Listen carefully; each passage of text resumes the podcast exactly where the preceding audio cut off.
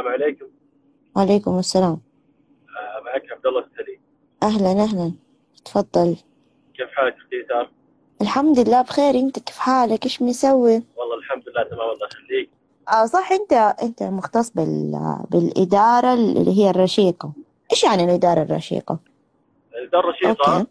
تعتمد على إيصال القيمة من وجهة نظر العميل والتخلص من أي جانب من جوانب الهدر في هذه العملية. لأن نعتبر أي أوكي، جانب. جوانب الهدر في العملية هذه راح نعطل إيصال القيمة حق العميل راح نأخرها راح نخليها أقل جودة. فتعرفين إحنا في أعمالنا اليومية في عملياتنا في كثير أشياء نسويها زيادة عن اللازم أو إنها غير ضرورية أو ما تضيف قيمة مباشرة إلى العميل مثل وقت الانتظار مثل الأعطال. العميل ما راح يدفع حق الأعطال أو حق وقت الانتظار أو حق التوصيل أو حق التأخير أو حق التخزين. فعشان كذا. نحاول إن تكون العملية efficient أكثر كفاءتها عالية كثير نتخلص من جميع الزوائد والاشياء والعمليات غير الضرورية. طبعا في techniques وفي أدوات نستعملها عشان نقوم بهذا وفي مبادئ كثيرة. فما أبغى اتطرق لها كثير عشان ما أبعد عن موضوع ال branding آه لكن مثل ما قلت لا مو مشكلة. أنت أنت كلمنا أكثر عن التخصص عشان نحن نعرف نربط. عادي عادي ما عندك مشكلة. ممتاز أستاذ أنا ودي أقول آه إحنا دائما لما نتكلم عن ال branding نتكلم عن ال marketing عن الصورة الذهنية عن اللوجو عن أشياء كثيرة عن تجربة العميل عن customer service عن حاجة جميلة طبعا. لكن في نهاية. اليوم من هو الأساس حق الأشياء هذه؟ المنتج النهائي أو النتيجة النهائية. هذه بدايتها من إدارة العمليات. okay. طب إيش نقصد بإدارة العمليات؟ إدارة يعني ال- المنتج أو الخدمة من البداية للنهاية لما يوصل للعميل هذا هو اللي تقصده؟ صحيح إدارة العمليات طيب، حلو. إدارة الأنشطة بدءا من التوريد التصميم التصنيع التوزيع ال feedback جميع ما تشوفينه من عمليات في الشركة هذا إدارة العمليات لكن okay، العمليات. تأخذ نماذج معينة تأخذ نموذج الرشاقة نموذج المرونة وطبعا في الآن سمعين كثير عن حاجة اسمها سلسلة الإمداد سلاسل إمداد هذه كلها يعني زي ما نقول آه، مفاهيم جديدة تتعلق بإدارة العمليات. أنا صراحة متخصص طب إيه- تفضلي إيش تقصد بسلسلة الإمداد يعني؟ okay آه، سلسلة الإمداد هذه نرجع ونقول في مجموعة الأنشطة مجموعة الأنشطة اللي تبدأ من المورد إلى المصنع إلى الموزع. الأنشطة اللي ترافق المنتج أو الخدمة من بدايتها إلى نهايتها.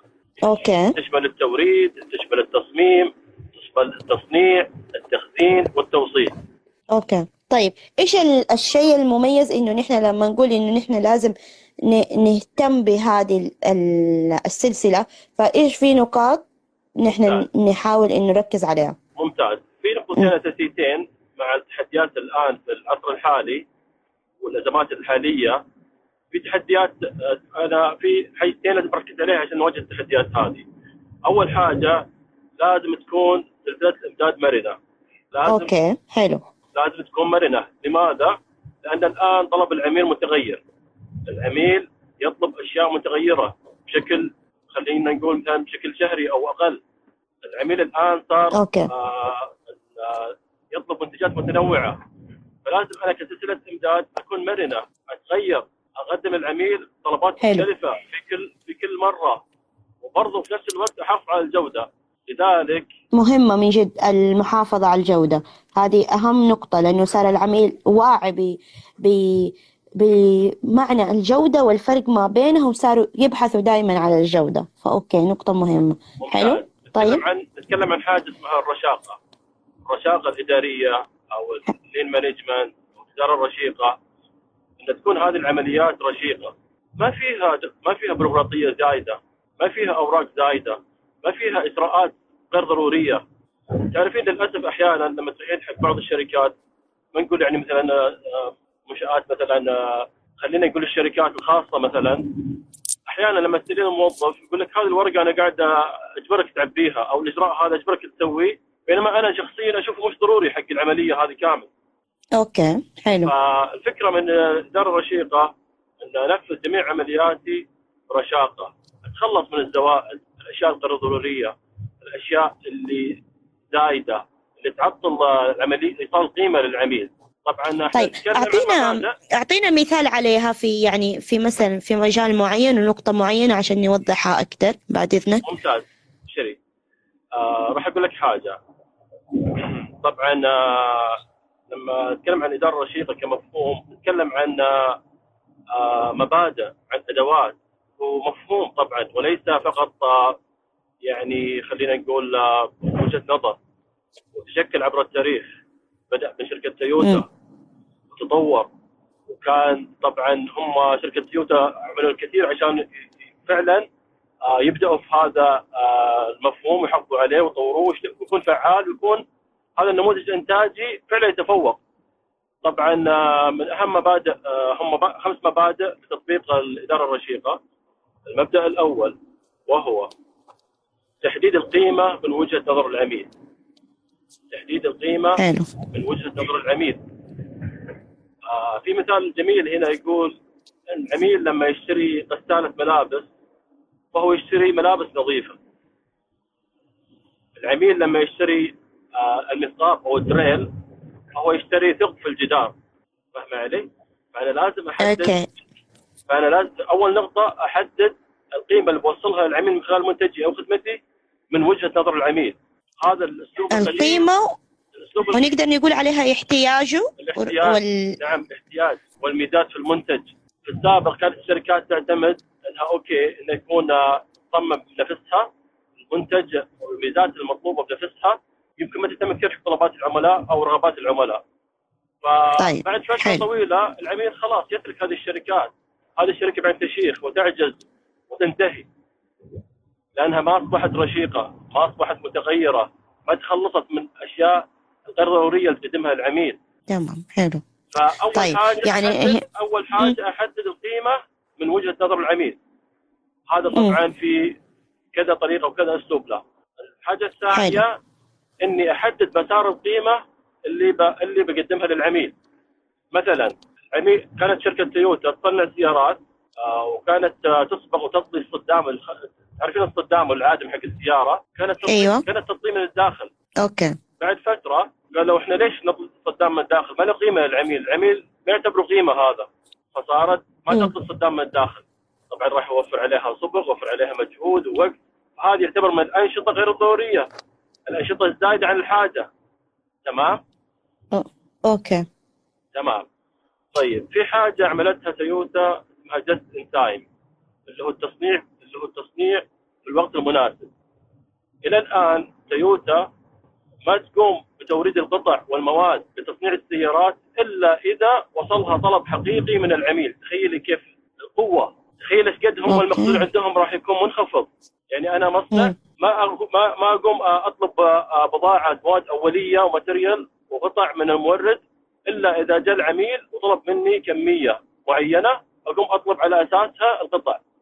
طبعا هذه مغامرة. كبيرة يمكن انها تتأخر على العميل لكن في المقابل أنا أطور خط الإنتاج اللي عندي يكون سريع قدر الإمكان يكون ما في أشياء زايدة كل الأشياء في محلها كل الأنشطة تضيف قيمة كل أنشطة تنعكس على المنتج نفسه عشان أسرع عملية الإنتاج. طبعا استعمال التكنولوجيا العالية وفي طبعا خطوات كثيرة كثيرة يعني غير هذه بس هذه من أهم الخطوات.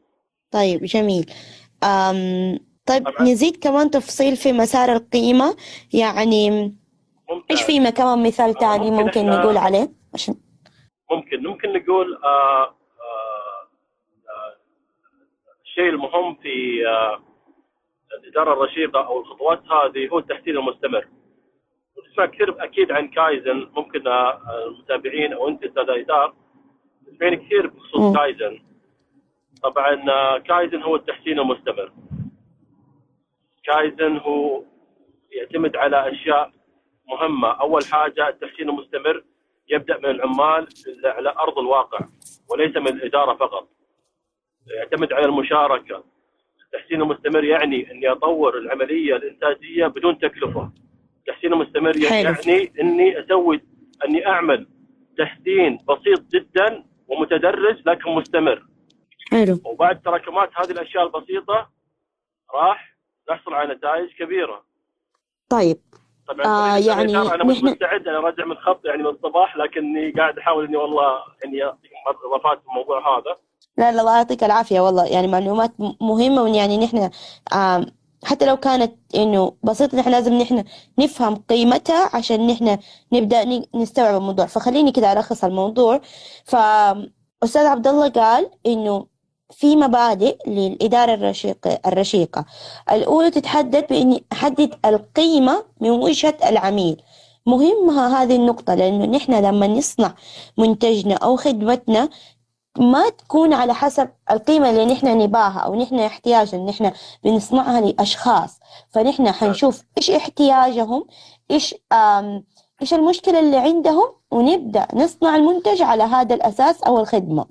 جميل بعد كده نحن نبدأ نحدد مسار القيمة اللي تقدم آه، للعميل من خلال التحسين المستمر لنفس ال- ال- الخدمة أو المنتج ومن خلال إنه نحن نبدأ ن- نسهل الموضوع ما شاء الله. ونبعد عن الأمور الغير ال- المفيدة وغير مرنة و- وما هي. مناسبة له. ممتاز. أوكي. لا تحقق القيمة. كلمة مهمة. ممتاز. ف- فنحن إذا عرفنا إيش القيمة نحن نحن كده حنعرف ن- نحط رجلنا كويس في السوق. هذه هي النقطة المهمة. ممتاز. اللي ألاحظها حتى كثير عن مشاريع إنه هم ما هم عارفين إيش قيمتهم إيش أو القيمة اللي يقدموها للعميل. بي- إيش بيقول أنا عندي منتج شكله حلو أنا عندي منتج مبتكر أنا عندي منتج إبداعي. فأوكي بس هل هو مناسب حاليا للعميل لإحتياجه؟ هل هو يخدمه؟ فهنا الفكرة. طيب آه، أستاذ عبد الله طيب إيش في كمان أمور تانية؟ مثلا نحن نركز عليها في سلسلة الإمداد يعني. ممتاز. الأمر كيف الثاني- تكون متصلة ببعض؟ ممتاز. الأمر الثاني اللي هو ال- أنا الم- المبدأ الرابع آه، اللي إيه؟ هو آه، طبعا إحنا تكلمنا عن المبدأ الأول اللي هو قلنا تحديد القيمة من وجهة نظر العميل. ثانيا تحديد مسار القيمة في العملية الإنتاجية أو في عملياتنا. وين هذه العملية اللي قاعدة تضيف قيمة؟ حق العميل واركز عليها. المبدأ الثالث اللي هو فلو اللي هو إن هذا المسار أحافظ عليه مستمر وليس منقطع لأنه هو اللي قيمه حلو. طيب نيجي للمبدأ الرابع. أيوه الين نوصل الرابع اللي هو جست ان تايم اللي هو التصنيع في الوقت المناسب. لماذا؟ أنا لما أوصل لسلسله إمداد أو عمليات efficient كفاءتها عالية ليس فيها هدر إيش راح يصير؟ الفكرة من الإدارة الرشيقة أو اللين مانجمنت إني ما أقلل بس التكلفة لكن أحط الجهد والمال والوقت و والع- والأشياء في محلها. تمام؟ جميل. أحط الأشياء في محلها عشان تضيف قيمة للعميل وليس الهدف منه إني أقلل التكلفة. أو في والمبدأ الأخير والخامس وهو التحسين المستمر. التحسين المستمر طبعا هو له علاقة بكل الخطوات السابقة التحسين المستمر معناته أني آه راح أراقب على طول القيمة اللي اقدمها حق العميل وكيف أحسن عليها. التحسين المستمر راح أراقب العملية الإنتاجية إيش الأشياء اللي أعمل لها تحسين في العملية الإنتاجية سواء مصنع أو خدمات أو حتى شركة أو أو حتى قطاع خدمي أو حتى إيش الأشياء اللي قاعد أطور فيها بشكل يومي وأحسن فيها بشكل يومي عشان تضمن لي أن الأخطاء صفر، الأخطاء قليلة. إن أي شيء جديد في السوق قاعد أنا أواكبه إن أي مشاكل جميل. قاعد أعالجها أول بأول.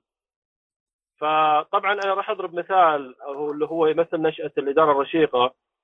آه، طبعا آه، قبل في الحرب العالمية الثانية آه، خلينا نقول قبل الحرب العالمية الثانية كانت اليابان تغزوها شركه الشركات الأمريكية والأوروبية تخيلي يعني كان قبل الحرب العالمية الثانية كانت اليابان داخل اليابان مصنع فورد موجود ويغزو اليابان غزو كبير الشركات الأمريكية تغزو اليابان كانت المصانع اليابانية على استحياء يعني فهمت كيف؟ فلما جت الحرب مم. العالمية الثانية زاد الأمر سوء في اليابان من ناحية الصناعة تدمرت المصانع دمرت المنشات الصناعيه ف- فما صار عندهم فلوس كثير أو أشياء يستثمرونها ان يعيدون بناء المصانع هذه. بعدها ابتكروا إن استعمال القليل لصنع الكثير اللي هو اللين مانجمنت. فالفكرة إني أقضي على جميع مظاهر الهدر عشان أنا أوفر المبلغ الباقي هذا أو الوقت أو الجهد كله هذا إني أصنع قيمة أنافس فيها. الفكرة تماما أوكي حلو.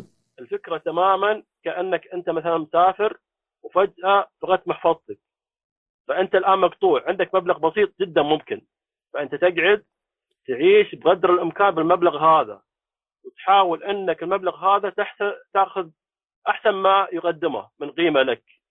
تتخلص من الأشياء. غير ضروريه تتخلص من الأشياء اللي الفكرة كذا لكن اللين مانجمنت ليس تغشف ولكن أخذ هذه الأشياء الزايدة وأحطها في مكانها مناسب. اخليها تضيف قيمة للعميل. إيش صار بعدين بعد الحرب العالمية الثانية؟ طلعت اليابان مدمرة من الحرب اقتصاديا منتهية ما فيها أي حاجة. مم. لما مشوا على المفهوم هذا ركزوا على التحسين المستمر استعمال الق- القليل لا لا استعمال القليل لتصنيع الكثير. طبعا الموضوع هذا مش بس بهالشكل استعملوا تقنيات مثل الكايزن مثل just in time مثل مثل في أدوات كثيرة طبعا. وطبعا هذا ما كان بين يوم وليلة استغرق سنين طويلة طوروا في المفهوم طوروا في المفهوم.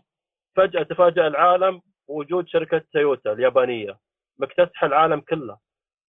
انتشرت سياراتها في كل مكان وتنافس كل مكان. طبعا آه، حلو. في حاجة مهمة ودي أتكلم عنها آه، كانت شركة طيب. فورد هي المت... مم. هي شركة فورد قبل يعني في السابق كانت هي المتصدره المشهد كامل وكانت تصنع سيارات بالملايين وتوزع لكل العالم لكن كانت سياراتها تعتمد على الانتاج الضخم الانتاج الضخم يعني أنا أصنع سيارة واحدة نفس الشكل على مزاجي أنا كمصنع وحسب تكلفتي أنا وأصنع السيارة بنفس الشكل بحيث إني أضمن أن إنتاج غزير. خلاص السيارة تمشي على الخط عندي في المصنع. كل خطوة يركبوا لها كفرات يركبوا لها مريات الأخير السيارة تطلع نفس الشكل بالضبط وتتباع. أنت يا العميل يحمد ربك تشتري سيارة. خذها بس خلاص ما تتشرط ابدا يعني. ف طبعا بعد فترة المستهلك صار يبقى طلبات أكثر يبقى ميزات أكثر في السيارات يبقى لون مختلف على الأقل. فالغريب في الأمر أن شركة فورد باعت ملايين السيارات بلون واحد أسود اسمه موديل T وكان شكلها واحد. فطبعا آه، بعد مجيء آه، تويوتا غيرت المفهوم هذا وقالت لا أنا ممكن أسوي سيارات مواصفات مختلفة حسب طلب العميل لأني أنا أركز على القيمة ووجهة نظر العميل. فطبعا هذا الموضوع ليس بالسهل إنك تصنع سيارات آه، أكثر من موديل وتوصلها في الوقت المناسب فهي قاعدة تقلل الهدر والفواقد في العمليات بحيث انها تعوض وتضيف وتخليها تضيف قيمة حق العميل. فطبعا كان. فورد يهتم يعني نحن بنقول هنا في استدامة في الموضوع هم بيعتمدوا على الاستدامة؟ آه ممكن نقول هو هي كلها طبعا نماذج إنتاجية لكن كل واحدة منها وقتها يعني. يعني كان العميل في السابق يرضى إنه يشتري سيارة مشابهة أو سيارة تكون مشابهة لأي سيارة ثانية. أو يضطر إنه يشتري لون أسود أو أي لون ثابت من المصنع يعني ما عنده خيارات كثيرة. لكن بعدين الموضوع تغير وصار لا العميل يطلب خيارات أكثر وأكثر. جميل.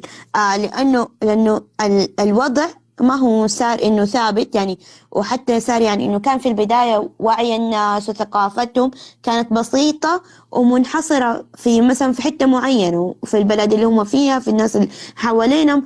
فما كان عندهم الثقافة الكافية إنهم هم يبدأوا يقولوا لا نحن بدنا كده نبى نفعل كده نحن نبى نغير. فخلاص. كانوا مستسلمين. فلما تغيرت الثقافة أتغير فكر العميل أتغير احتياجه تغير وجهات نظره. فصار إنه لازم نحن نتواكب مع هذا الموضوع مع إننا نحافظ على الأساس إنه آه، جوهر ال- الشركة جوهر العلامة التجارية عشان آه، نحقق ال- ال- الغاية اللي هي المطلوبة من آه، من من طلب العميل. طيب حلو.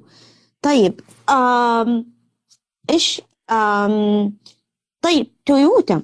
تويوتا يعني دحين إحنا بنقول إنه هي بتحقق احتياج ال- العميل بشكل كافي عشان كده هي مكتسحة السوق. طبعا إحنا لما نتكلم عن تويوتا آه، نتكلم عن نموذج وانتاجي وفكر إنتاجي كبير تطور عبر سنوات آه، طويلة. لكن مش معناتها إنه الشركات الثانية برضو ما صارت تستعمل نفس النموذج. الآن تقريبا في سيارات سيارات كثيرة تستعمل نفس النموذج لأنه ليس حكرا على تويوتا.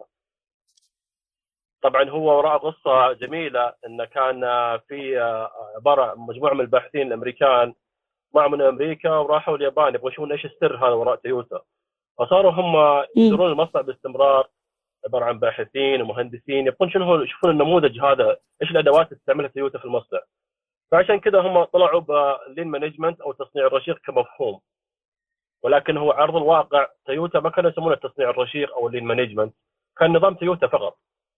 لكن طبعا الآن جميع السيارات تقريبا تعمل بنفس المفهوم يتشاركون بعض الأفكار. بعض النماذج الإنتاجية لكن يبقى هذا المفهوم عنده مبادئ وأدوات تستعمل في جميع الصناعات وجميع الشركات والخدمات وليس فقط في السيارات أو التصنيع. جميل جميل. آه طيب هنا جانا سؤال يقول لك قلة الأيدي العاملة كيف أواجهها؟ نقدر في من ناحية التصنيع أو الإنتاج. أوكي هل تقصدين يعني مثلا آه الأيدي العاملة آه قلت ندرتها يعني مثلا أو أنك تبغى تقلل مثلا عدد الموظفين أو أو فصلي في السؤال من بعد إذنك. طيب هنا إيش في كمان سؤال؟ طيب طيب أم طيب كمان آه نحن في مين عندنا من الشركات في في السعودية مثلا أو في الخليج إنه معتمدين على الإدارة الرشيقة في ولا ولا في يعني في التصنيع نقدر نقول. ممتاز. آه طبعا الآن يعني في كثير شركات تعتمد هذا المنهجية. آه طبعا الإدارة الرشيقة ممكن ناخذها إحنا من كذا جانب يعني. يعني. في بعض مثلا بعض المصانع أو بعض الشركات حتى طبق مبادئ الإدارة الرشيقة طبق بعض الأدوات. أحيانا ما يكون الموضوع واضح إنه هذا الإدارة الرشيقة مثلا. أحيانا ما يكون واضح إن هذا اسمه lean management. لكن في مبادئ مثلا الكايزن. أنا متأكد كثير يسمع الناس تسمع عن ال kaizen kaizen kaizen. فلما أتكلم عن الكايزن مثلا أكيد سمعت أستاذ يسار عن الكايزن اللي هو تحسين المستمر. يا صح. تمام. فطبعا أنا لما أتكلم عن كايزن مش هو بس فقط تحسين مستمر ككلمة كذا لا هو وراء أدوات وراء أساليب لا أفكار. ودي أتطرق لها بشكل بسيط مثلا كيف نطبقها على أرض الواقع في العمل مثلا. أيوه تفضل. آه تمام. مثلا إذا أنا مثلا عندي شركة مثلا ما نقول تصنيع نبعد عن التصنيع شوي عشان الموضوع ثقيل شوي يصير يمكن الناس تحب يعني تتكلم عن الشركات. مثلا إذا أنت عندك شركة وتقدمين منتج معين مثلا حق العميل أو خدمة. تمام؟ طبعا أنت okay هذا المنتج بداية بداية المشروع بديت بتصميمه وشفتي إنه okay مناسب حق السوق وحق العميل والقيمة والأشياء هذه وكيف ال process اللي بتسوينه وكيف تكلفته وكيف وكيف بيوصل للعميل وكيف تجيبين المواد وكل حاجة. Okay. أنت بديتي صح لكن الآن أنت أكيد بشكل طبيعي أكيد كل فترة قاعد تطورين. لكن انت كيف تطورين؟ هل مدير الانتاج أو أو مدير المصنع أو انت قصدي مدير الشركة أو ال owner هو اللي يجي يقول يا جماعة ترى هذا كذا هذا كذا هذا كذا هل أو كيف العملية تتم؟ هنا الموضوع مهم مع الكايزن أو التحسين المستمر. التحسين المستمر لازم يكون بمشاركة جميع الموظفين من اصغر موظف إلى اكبر موظف. لازم يكون بمشاركه الجميع، هذا واحد. اثنين في أدوات معينة نحن نطبق التحسين المستمر. على سبيل المثال عظم السمكة. على سبيل المثال في أداة أداة ثانية اسمها Five Whys، السؤال لماذا خمس مرات. في أداة ثالثة اسمها خارطة تدفق القيمة. من الأدوات الجميلة إنك أنت تقدر تعملها مثلا بنفسك في الشركة مثلا أنت الآن تجتمع مع موظفينك اللي في الإنتاج اللي في يعني حسب أنت المنتج حقك يعني يمكن ما في عندك إنتاج مثلا. تجتمع مع موظفينك وتقول لهم مثلا هذا المنتج يوصل حق العميل بهالطريقة هذه. فترسم خريطة. أول حاجة تجي المواد الأولية بعدين يطلع من مرحلة لمرحله بعدين مرحلة إلى مرحلة مرحلة إلى مرحلة. فترسم زي الخريطة تتبع في مراحل وصول المنتج إلى العميل. وكيف يمر بجميع المراحل والإجراءات والعمليات والتوقيع اللي عندك هل هي توقيع زايدة ولا مش زايدة؟ ليش يتأخر التوقيع عشان المدير ما جاء؟ هل التوقيع هذا فعلا ضروري؟ هل الإجراء هذا ضروري؟ هل الأوراق هذه فعلا ضرورية؟ كيف إني أقلل الإجراءات؟ كيف إني أقلل الأوراق؟ كيف إني أختصر الخطوات؟ تأكد أنت لما تقعد مع موظفينك الصغار قبل الكبار راح يعطونك أفكار تقول لهم إيش رأيكم كيف عندنا الحين العملية الخريطة تقول إن المنتج وقف كثير في المنطقة هذه إن المشاكل أغلبها في المنطقة هذه إيش الحل؟ فهم يعطوك اقتراحات. فهذا يعطيك اقتراح هذا يعطيك اقتراح. فدائما هذه المشاركة راح تعطيك حلول جميلة. طيب اجتمعنا مع حلو. صغار الموظفين وكبار الموظفين وأخذنا منهم أفكار ما كانت تخطر على البال. تفاجئنا إن هذول الموظفين الصغار يعطونا أفكار حلوة. تمام. أخذنا هذه الأفكار وقلنا بنطبقها على أرض الواقع. انتهى الموضوع؟ لا طبعا. إذا انتهى الموضوع للدرجة هذه ما راح يكون تحسين مستمر لأن ثاني يوم ثالث يوم بعد شهر الموضوع راح ينسي والخطوة الجديدة اللي صلحنا فيها راح يرجعون على القديمة. ممكن الموظف طلع إجازة جو واحد ثاني ما دربه كويس. فالنقطة المهمة الخطوات اللي أخذتها وطرحناها في الاجتماع وحددناها نكتبها. بعد ما نكتبها صح. نعممها على الموظفين كامل على جميع الأقسام. ونحطها في مكان واضح وندرب موظفين عليه ونسجلها. لماذا؟ الخطوة الثالثة القياس. طيب أنا اجتمعت الاجتماع الثاني. كيف أعرف أنا المستوى اللي وصلت له عشان أوصل حق مستوى أعلى؟ لازم يكون عندي موضوع القياس مهم. إني أنا وصلت إني أوصل مثلا الاجتماع اللي فات اقترحنا اقتراحات ووصلنا المنتج حق العميل. في مرحلة كانت تستغرق مثلا ساعة خليناها بدل 60 دقيقة خليناها مثلا قللناها خمس دقائق. 55 دقيقة. ترى هذا يكفي مع كايزن. كايزن خمس دقائق تكفي معاه. حتى لو دقيقة واحدة تكفي. معاه لأنه هو تدريجي وبسيط ولكن مستمر. أجي الاجتماع اللي. بعده. آخر مرة الخطوة هذه قللناها إلين خمس دقائق هي ساعه صارت 55 دقيقة. الآن أعرف أنا من ابتدي التحسين الجديد. فهذا كايزن.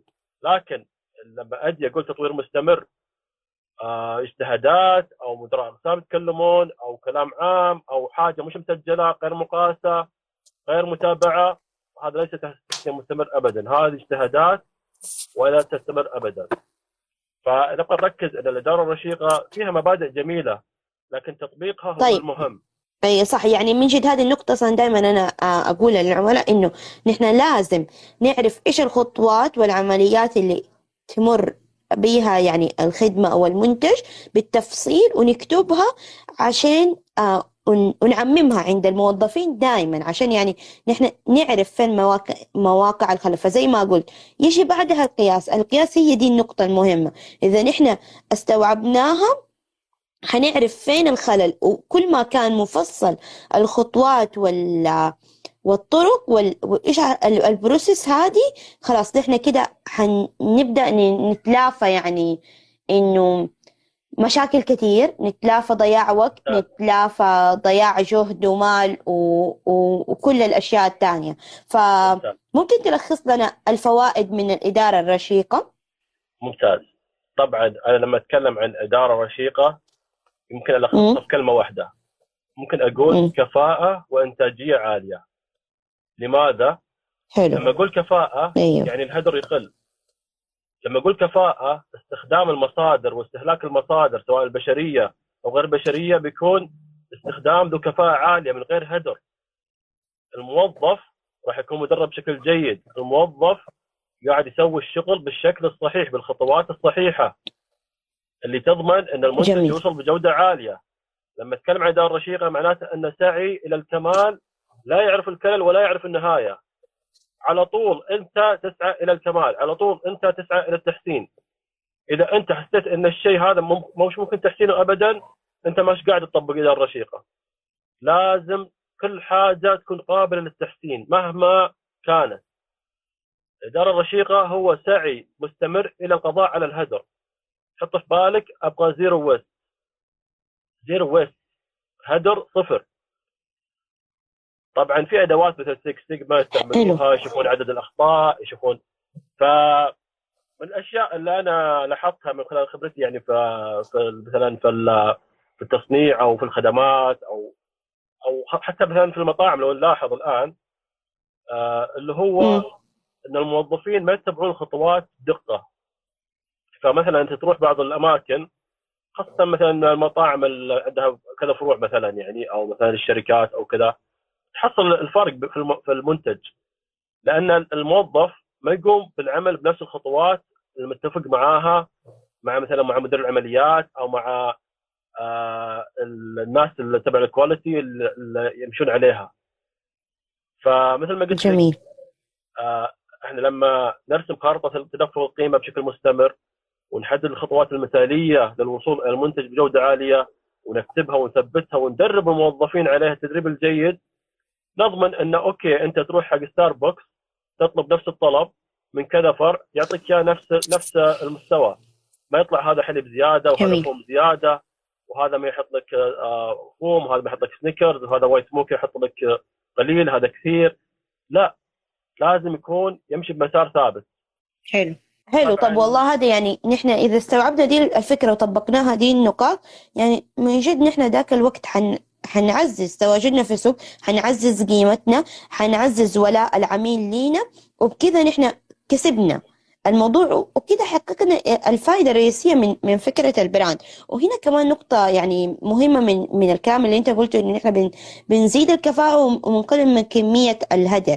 كمية الهدر مرتبطة بال بالاستدامة بشكل كبير إنه نحن بنقول إنه نحن نحافظ على الموارد المتوفرة عندنا بشكل صحيح عشان نحن نقدر آه نخليها للأجيال القادمة ونفكر فيهم بدون ما نحن نخسر الموارد اللي عندنا. فهذه نقطة جدا مهمة يعني نحن لازم نركز عليها. فكل المواضيع مرتبطة مع بعضها إذا نحن في فهمناها. فجميل جميل. على طيب. يسار جذبني موضوع الاستدامة اللي تكلمت عنه. آه، خاصة آه، يعني بالصدفة إنه أنا الموضوع بحثي حق الدكتوراه. اللي هو الاستدامة. الإدارة الرشيقة مع إيه ما هو تأثير تطبيق الإدارة الرشيقة على الاستدامة بثلاث جوانبها اللي هو الاستدامة الاقتصادية الاستدامة البيئية والاستدامة الاجتماعية. ففعلا جميل. أنت لما تصنع تصنيع رشيق لما تستعمل إدارة رشيقة اللي هي ت... ولما تقضي على الهدر في عملياتك الإنتاجية في عملياتك في الإجراءات حقتك كلها هذه لما تقضي على الهدر إيش بيصير؟ طبعا راح ينعكس على على البيئة وعلى التلوث وعلى الأشياء هذه. أنت قاعد تصنع جميل. تصنع بالقد تصنع بالطلب.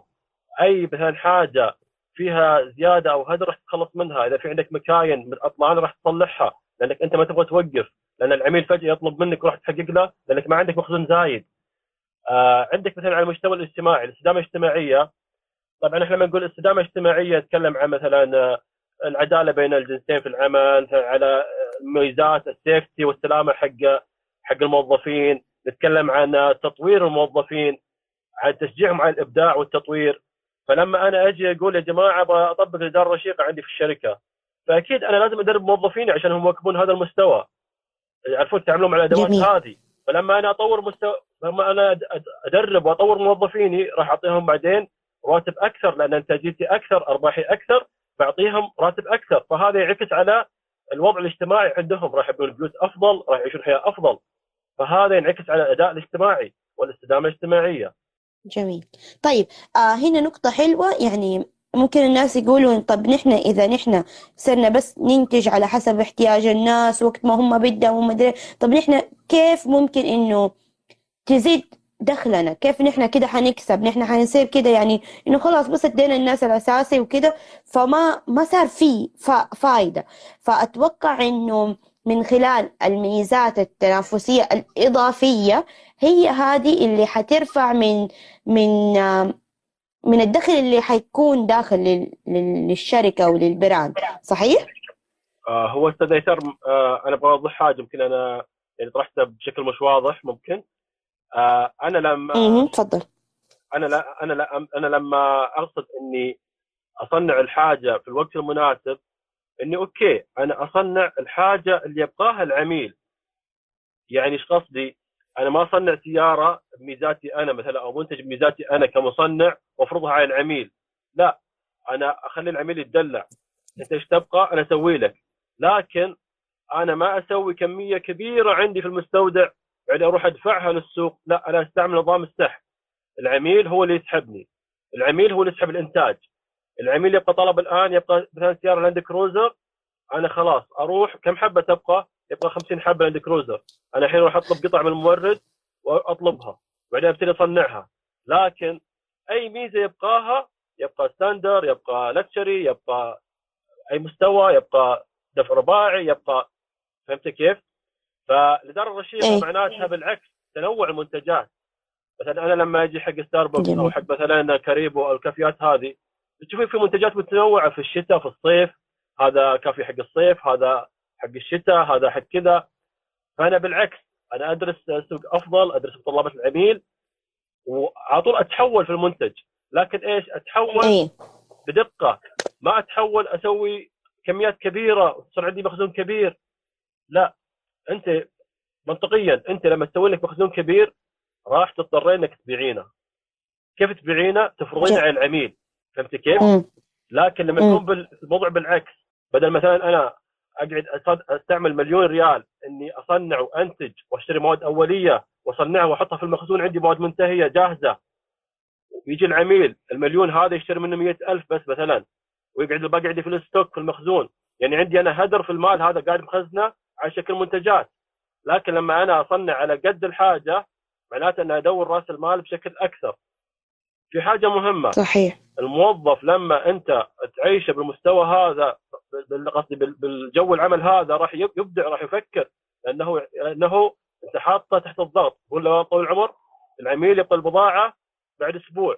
لكن خلاص بعد أسبوع تبتدي تصنعها. ما أقول لك تصنعها قبل شهرين. وهو يبتكر أفكار جديدة يستعمل تكنولوجيا جديدة في في ال- في المصنع أو في الشركة يبتكر خطوات عمل مختصرة وسريعة يستعمل تكنولوجيا عالية عشان يسرع العملية. فطبعا هو موضوع تحدي مش موضوع بسيط إني أجي والله وخلاص بطبق الإدارة الرشيقة بكون عملياتي رشيقة وخفيفة وما فيها زوائد لا. طبعا هي بالتعلم بالتكرار بالتحسين المستمر بالاستمرارية بالتعلم الأخطاء بالشغف حق الوصول بالشغف إن أنا ما يطلع عندي أي هدر أتقبل المشاكل أستقبل مشاكل يوميا من العملاء أشوف شو المشاكل اللي عندهم مشاكل في العمل. لازم يوميا تكون مشاكل لازم الموضوع يكون efficient وكفاءته عالية بالتحسين المستمر. جميل. أنت الآن أستاذة. لما تشوفون سيارات تويوتا أنا ودي يصير. أي حد مثلا يستعمل سيارة تويوتا لاند كروزر أو كامري أو كذا. راح تلاحظين إجابة واحدة موحدة يقول لك هذه السيارات فيها اعتمادية عالية. اعتمادية عالية يعني أنا أشتري السيارة من النادر جدا إني أطلع يطلع فيها مثلا آه، يعني تعمل لي مشاكل مع الصيانة ان مثلا تتعطل عليه بشكل مستمر ليش؟ لأن ذول الجماعة. يستقبلون المشاكل بشكل مستمر لهم تويوتا يسعون إلى صفرية من الأخطاء والعيوب لأن عندهم العيوب والأخطاء هذا نوع من الهدر جميل طبعا ما نقول سيارات تويوتا صارت فيها مشاكل صارت فيها مشاكل تصنيعية وصارت فيها أشياء كثيرة لكن طبعا نتكلم عن نسب يعني. أيوه أيوه في جميل حاجة ثانية. فنحن هنا يعني لازم نسمع للعميل عشان نحن نعرف إيش احتياجه ونعرف نقدم ال- ال- القيمة اللي هو يبغاه كل ما فهمنا سمعناه أكتر كل ما عرفنا إنه نحن نخدمه بشكل صحيح و... ودائما نكون متواجدين في الوقت الصح. فا okay good طيب تمام. طيب آه أحس طولنا عليك ولا كويس كده؟ عادي يعني أهم شيء ما طولنا عليك. لا والله عادي أختي بالعكس أنا مبسوط والله بالمشاركه معك. وأنا كنت ترى قبل فترة كنت أفكر إني أطلب منك تعملين معي مقابلة ودنا نتكلم ونسوي موضوع. وسبحان الله صارت كذا بالصدفة وصارت إي والله. جميلة والله. وأتمنى إني والله أنا حتى كان في بالي. أتمنى إني والله إني إني أعطيتكم فائدة لأني صراحة أنا طالع من الصباح وماسك خط بالرياض الشرقية. ولا بمستعد والله لكن أتمنى إني انقذت الموقف واضفتكم اشياء بعض الاشياء بسيطه والله الله مرة الله يعطيك العافية ويكرمك. يعني الموضوع جدا ثري وحقيقي يعني أنا ودي أطول عليك يعني أسألك أكثر بس لا يعني خلاص كذا ما نبي نتعبك أكثر من كذا. وممكن عادي نطلع في في لقاء تاني يعني حقيقي. إن شاء الله. آه نرتب له ونطلع ونتكلم بشكل تفصيلي زيادة و- ومن جد حقيقة الله يعطيك العافية. الله يعافيك يا رب وأشكر لك وشكر للمتابعين. في واحد من المتابعين هنا واحدة يقول الموضوع جميل والله انبسطنا وشكر أي لك والله. شكر لك صراحة هذا حاجة يعني تحفزنا حق نعطي المزيد وأشكرك على جهودك أستاذ ايثار ترى يعني آه، جميل جدا اللي قاعد تسوينا بالبثوث المباشرة هذه بالإثراء. حاجة جميلة جدا يعني والله.